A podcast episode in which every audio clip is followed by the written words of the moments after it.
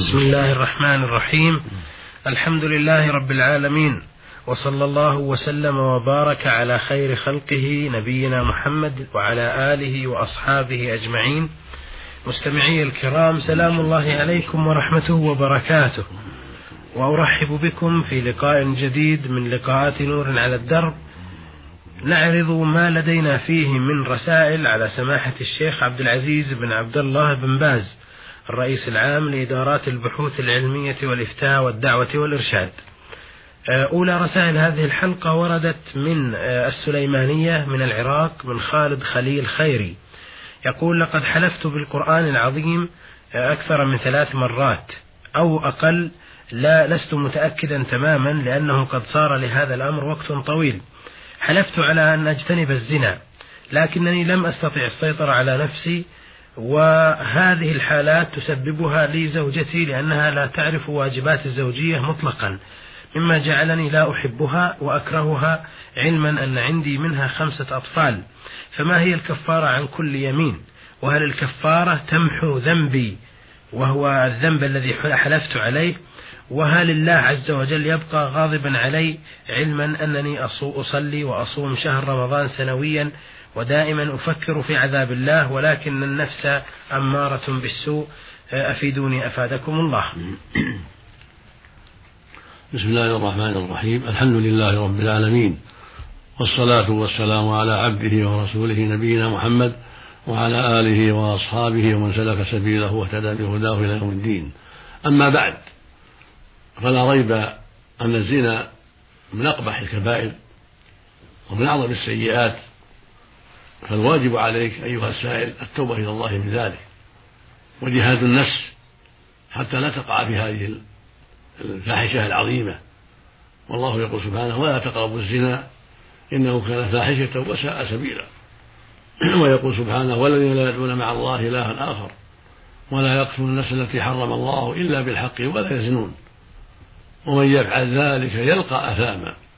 يضاعف له العذاب يوم القيامة ويخلد فيه مهانا.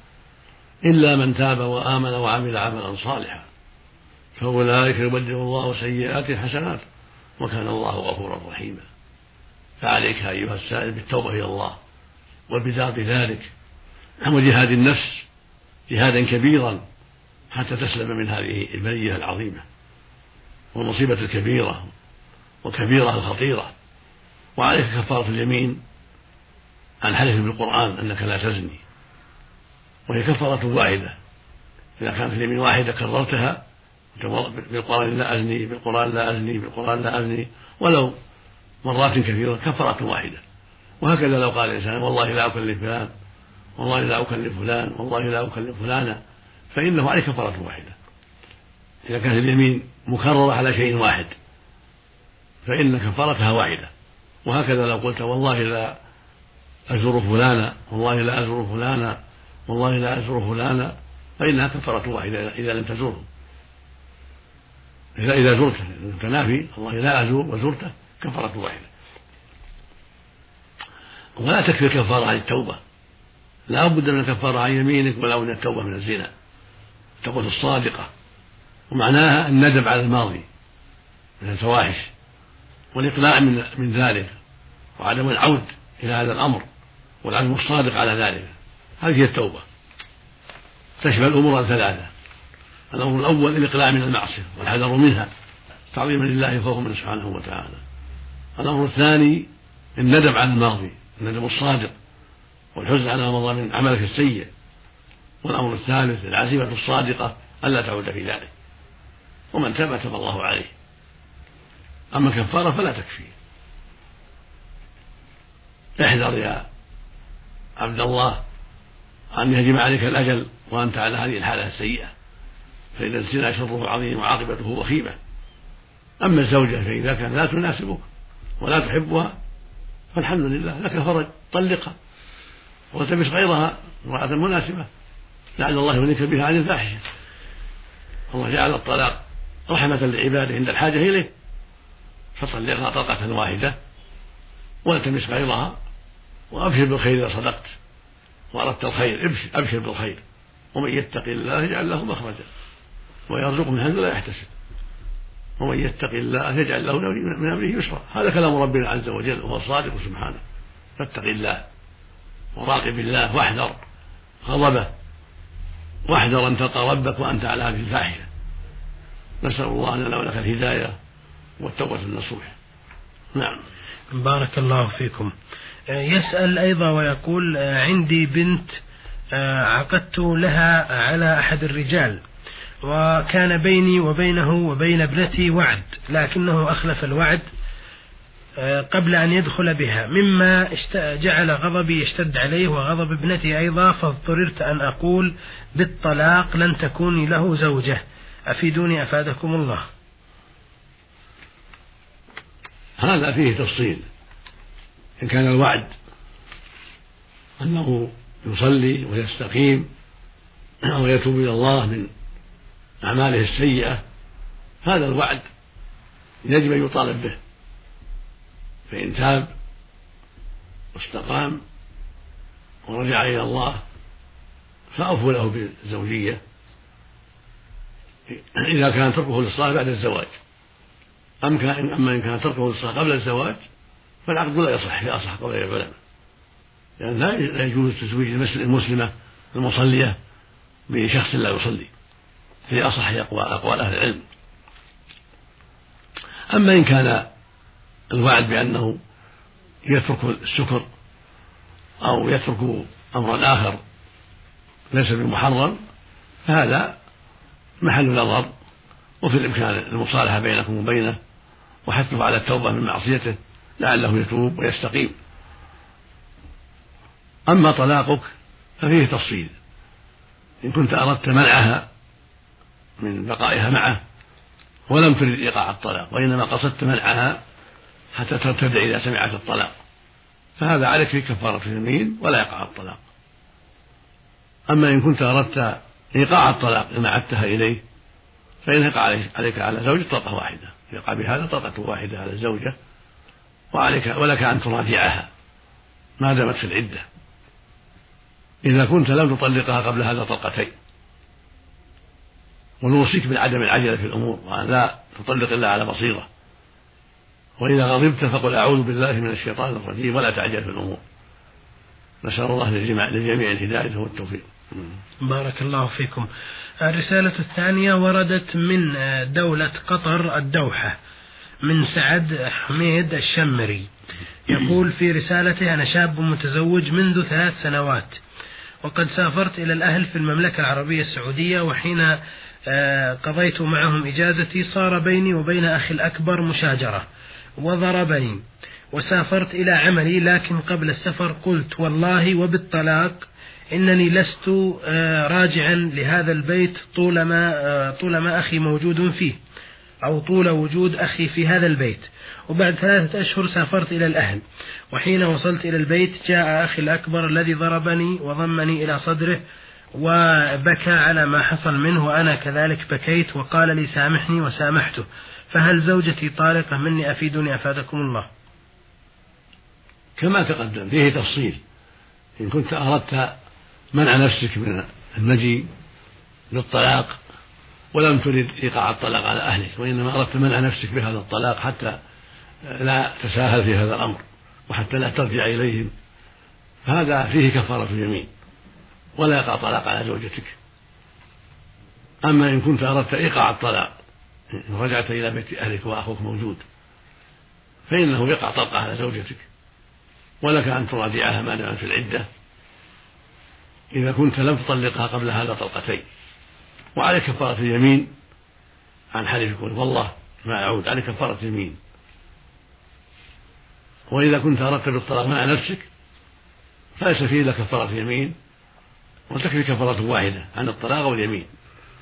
لأن قصدك واحد وهو عدم الرجوع إلى بيت أهلك هذا هو قصدك في الطلاق واليمين. فيكفي كفارة واحدة وهي إطعام عشرة مساكين أو كسوتهم أو عتق رغبة مؤمنة. فإن عجزت صمت ثلاثة أيام. أما إن كنت أردت إيقاع الطلاق على زوجتك إن رجعت إلى أهلك فإنه يقع عليها طلقة واحدة ولك مراجعتها بإشهاد شخصين أنك مراجع زوجتك ما دامت في العدة قبل أن تمر عليها ثلاث حيض. هذا هو الجواب لسؤالك والحمد لله الذي أصلح بينك وبين أخيك وتسامحتما.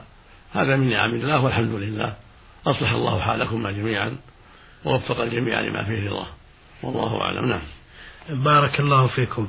وهذه رسالة وردت من شحات علي الملك آه، من العباسية مصر وهو يعمل في المنطقة الشرقية بالدمام. يقول آه، أصلي في بعض المرات آه، مع الإمام لكنني لا أدرك سوى ركعة من صلاة المغرب. وبعد أن يسلم الإمام أقوم فآتي بالركعة الثانية بالفاتحة وسورة جهرا ثم أجلس للتشهد وآتي بالركعة الثالثة بعد ذلك جهرا أيضا وأجلس هل صلاتي صحيحة أم لا. صلاتك صحيحة والجهر في الثانية مشروع لكن يكون غير شديد حتى لا تؤذي من حولك من المصلين أو الذاكرين. وأما الجهر في الأخيرة فلا يشرع تقرأ الفاتحة فقط بدون جهر لأنها سرية الثالثة. وأنت أدركت أول الصلاة. الركعة التي أدركتها مع الإمام في أول صلاتك على الصحيح. تقرأ فيها الفاتحة وما تيسر معها.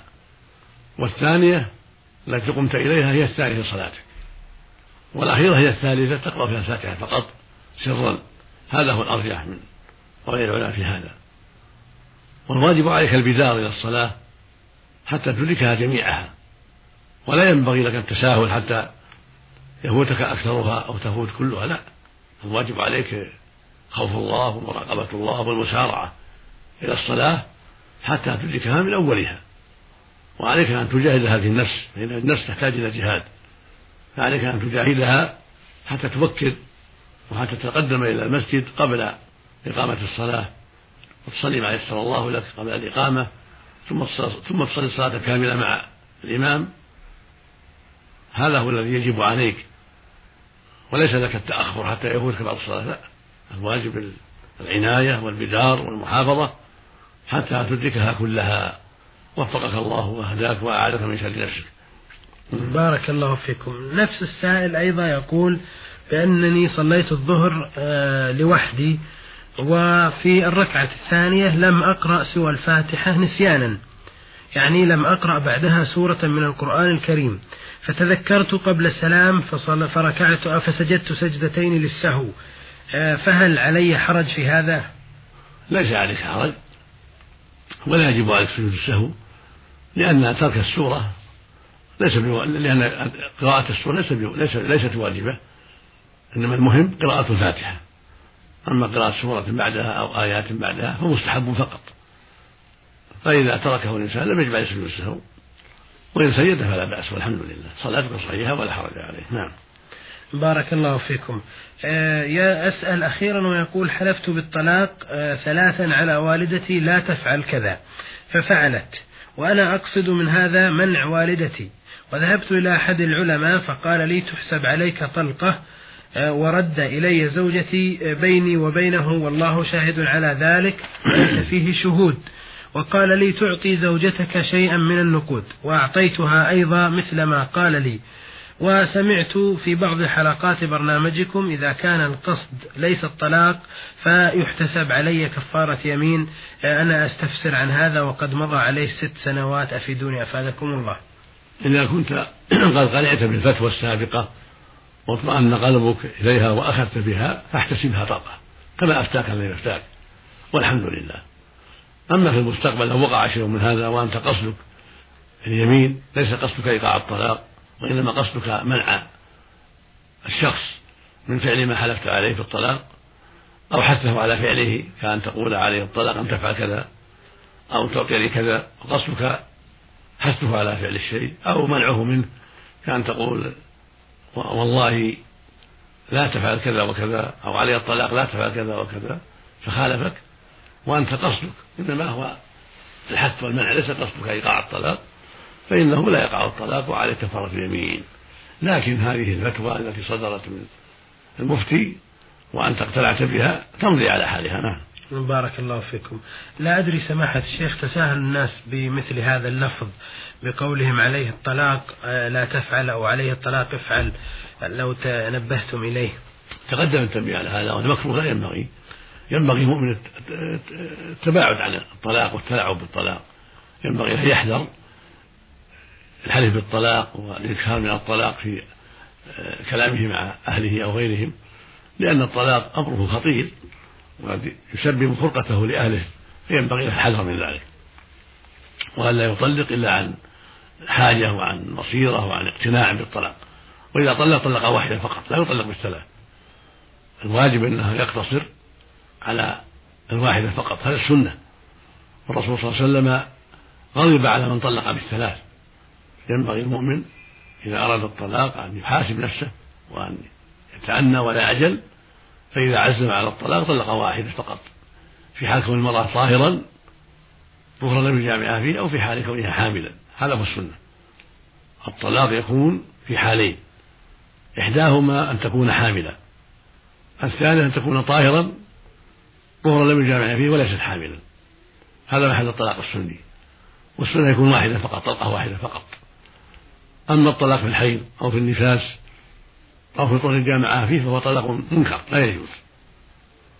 لقول الله تعالى يا أيها النبي إذا طلقتم النساء فطلقوهن لعدتهن.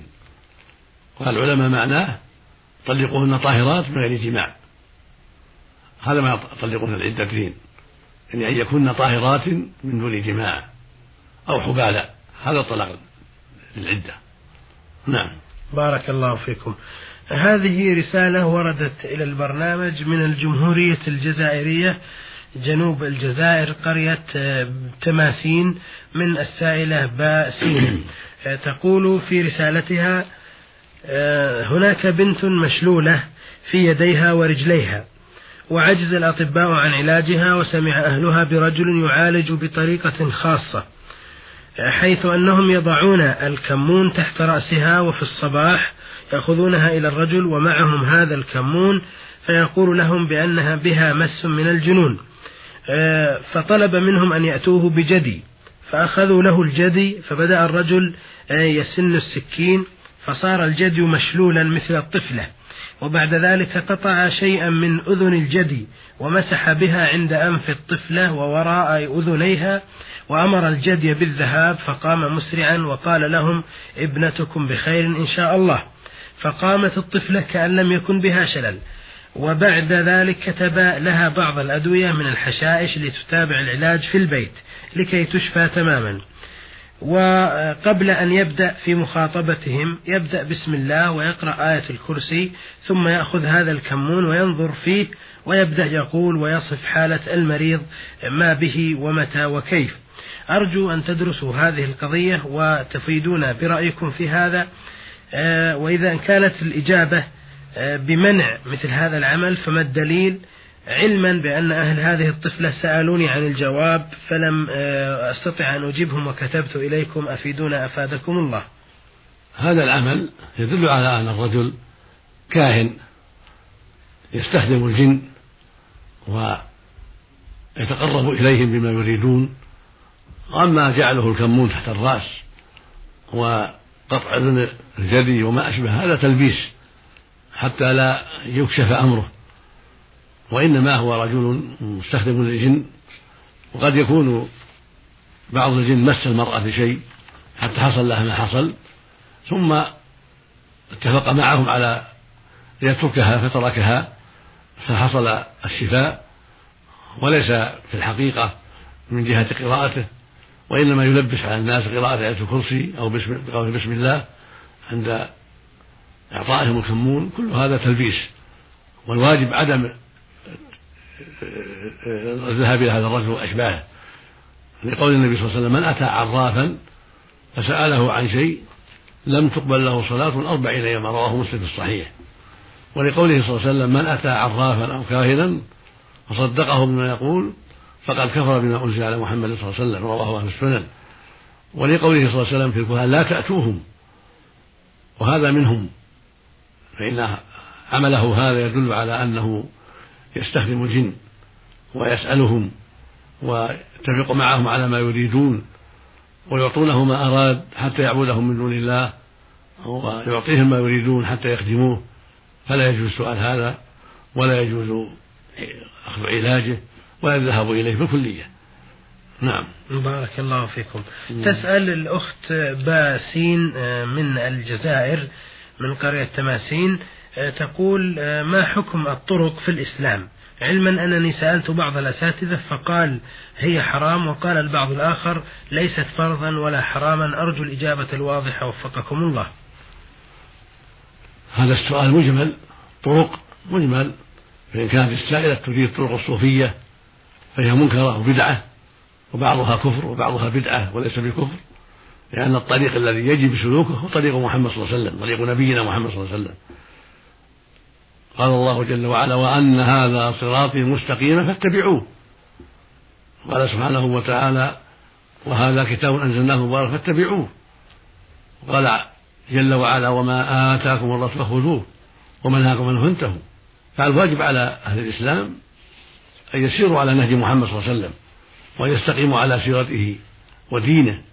قال تعالى قل إن كنتم تحبون الله فاتبعوني يحبكم الله ويغفر لكم ذنوبكم. فصراط الله المستقيم هو ما جاء به نبينا محمد صلى الله عليه وسلم. وهو طريق منعم عليهم المذكورين في قوله جل وعلا اهدنا الصراط المستقيم صراط الذين أنعمت عليهم وهم النبيون والصديقون والشهداء والصالحون.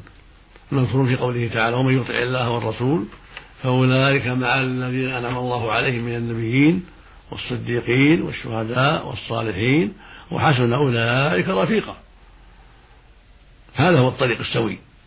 أما طرق الصوفية ففيها الشرك كعبادة بعض شيوخهم والاشتغال ببعض شيوخهم وكهجرهم بعضهم السنة ويقول حدثني قلبي عن ربي ولا يعترف بالشرع الذي جاء به محمد عليه الصلاة والسلام. إلى غير هذا من بدعهم الكثيرة. وكفعل بعضهم مع المريدين يقول عليك أن تسلم للشيخ حاله ومراده وألا تعترض عليه وأن تكون معه كالميت بين يدي الغاسل. هذه كلها طرق فاسدة كلها ضالة. أما إن أراد بالطرق الطرق يعني خط في الأرض أراد بذلك الخطوط الأرضية التي يخطها المشعوذون والرمالون ويدعون بها علم الغيب فهذا منكر آخر. ولا يجوز وهو من الشرك الأكبر.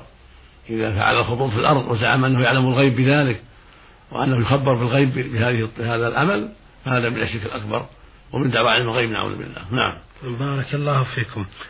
بهذا أيها الإخوة المستمعون الكرام نأتي إلى نهاية هذه الحلقة والتي أجاب فيها سماحة الشيخ عبد العزيز بن عبد الله بن باز الرئيس العام لإدارات البحوث العلمية والإفتاء والدعوة والإرشاد على رسائل الإخوة المستمعين فشكر الله له ذلك وأثابه الله ونفعنا وإياكم بما سمعنا.